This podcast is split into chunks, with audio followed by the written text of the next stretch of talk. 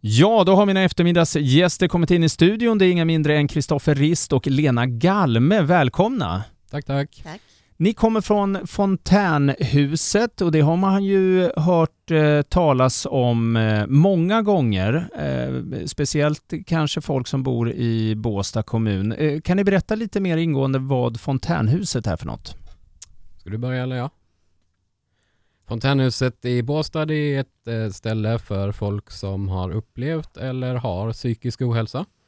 Det är ett ställe som eh, jobbar efter en arbetsriktad dag eh, där man driver hela ehm, verksamheten tillsammans med de anställda för att må bättre, känna sig behövd och att man känner någon tillhörighet och gemenskap och att man växer både genom att eh, få ett bättre självförtroende eller för att komma ut i arbete och, och studier till exempel eller bara få ett sammanhang.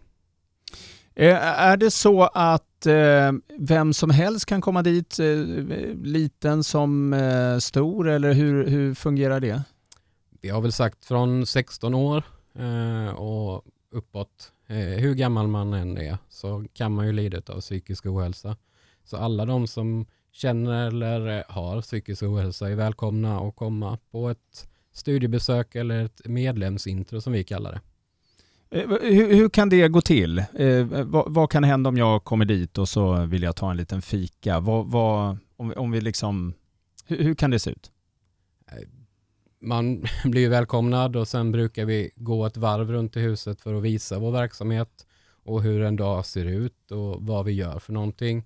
Det finns ju massa olika arbetsuppgifter eh, och sen så brukar vi sätta oss ner och ta en kopp kaffe och prata eh, hur man tänker sig om man vill komma dit en dag i veckan eller eh, en timme i veckan. Det är lite upp, det är ju frivilligt så att säga att komma dit eh, och då bestämmer man lite hur man vill lägga upp det. Mm. Eh, eh, i, nu på onsdag, 18 maj blir det va? Eh, så kommer ni ha öppet hus. Eh, hur, eh, och vilka tider är öppet hus för Fontänhuset? Det är ju 11 till klockan två Mm. och alla är välkomna och kolla på vår verksamhet. Det som är bra med ett öppet hus är att se vår fantastiska verksamhet där på plats. För det är svårt att förklara vad ett fontänhus är men när man är där så förstår man hela grejen. Och atmosfären är jätteviktig på ett fontänhus och det märker man så fort man kommer in innanför dörrarna. Och vi kommer även att bjuda på lite eh, grillat, eh, lite korv tänkte vi. Mm. Så man är välkommen att komma dit och ta en korv.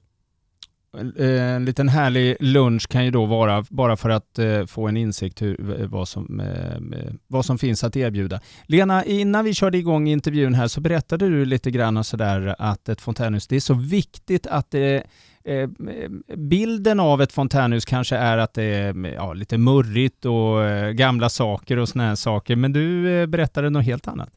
Ja, på Fontänhuset så är det ju en arbetsinriktad dag som Kristoffer säger. Vi, eh, det, det är ju medlemmar som lider av psykisk ohälsa eller har haft och handledarna, klubbhuschefen tillsammans som driver verksamheten. Det är ett klubbhus. Um, det är up to date. Vi har ju liksom en industri eller en restaurangaktigt kök som lagar mat till 20 personer, medlemmar som äter varje dag. Vi har moderna datorer. Det är liksom inte något gammal sunkig källare där man sitter och liksom gör lite hittepå uppgifter utan allting vi gör är till för vårt klubbhus. Om det är från att städa toaletterna, ehm, eh, vattna våra tomatplantor i växthuset, ansöka om bidrag från Socialstyrelsen till att betala ut löner, sköta sociala media, ehm, sköta café och restaurang, reception. Alltså det finns så många roliga arbetsuppgifter som, som vi sköter tillsammans. Ja, vad härligt. Och det kan jag ju tänka mig att efter en pandemi här nu så eh, kanske man känner sig ännu mer instängd än tidigare, eh, och vilket ni säkerligen har märkt. Ja, ett, alltså vi har ju märkt att eh, det har blivit många hemmasittare och eh, just nu så är det många medlemmar som är på väg tillbaka när nu äntligen pandemin har slutat eller ja, nästan i alla fall.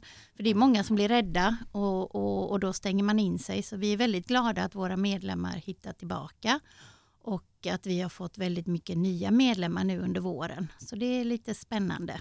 Kostar det någonting att eh, komma till fontänhuset? Nej, medlemskapet är helt gratis. Det är frivilligt och det är på livstid. Så man kan vara medlem i fontänhuset så länge man vill. Mm, vad härligt. Eh, eh, nu på onsdag är det öppet hus, eh, men om man då kanske inte kan just på onsdag, då är det bara att komma. Vilka öppettider är det i vanliga fall?